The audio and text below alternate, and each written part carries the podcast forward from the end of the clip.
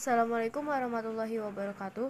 Saya Sipa Poja kelas 12 IPS 5 akan mencoba menganalisis kriteria dari negara maju dan berkembang dan kaitannya dengan pengambilan keputusan ekonomi dan sosial saat COVID-19.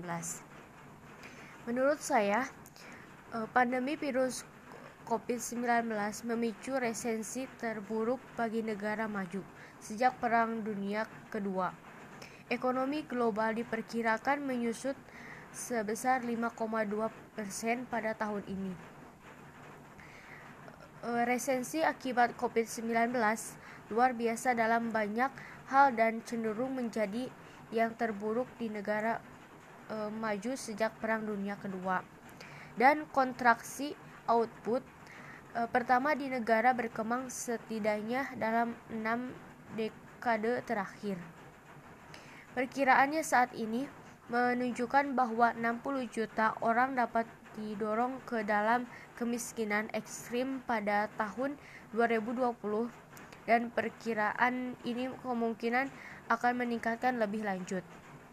Jika membuat e, kembali ekonomi negara-negara maju sebagai penentu utama tertentu, di negara-negara kaya, kegiatan ekonomi diperkirakan menurun 17 persen karena pandemi COVID-19 mengganggu permintaan dan penawaran domestik, kegiatan perdagangan dan keuangan serta menyebabkan penghasilan jatuh dan e, angka kemiskinan meningkat.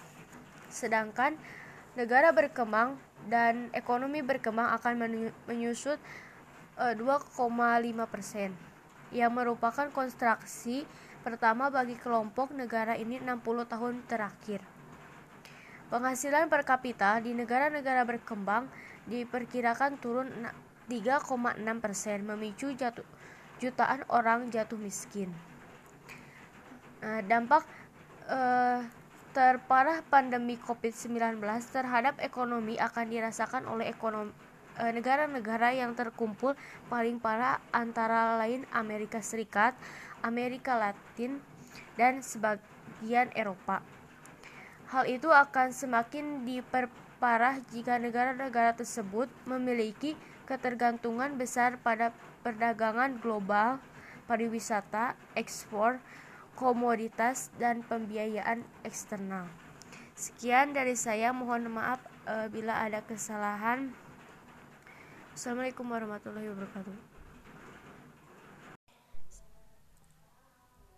Assalamualaikum warahmatullahi wabarakatuh Saya si Papojia dari kelas 12 IPS 5 akan mencoba membuat podcast mengenai mengapa beberapa negara maju dianggap gagal mengatasi penyebaran COVID-19.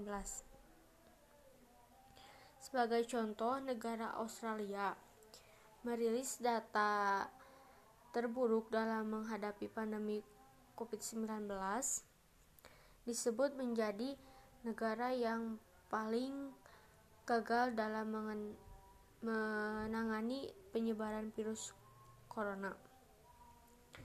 Karena eh, orang Australia meremehkan penyebaran COVID-19 dan menantang eh, pembatasan-pembatasan sosial dan memakai masker.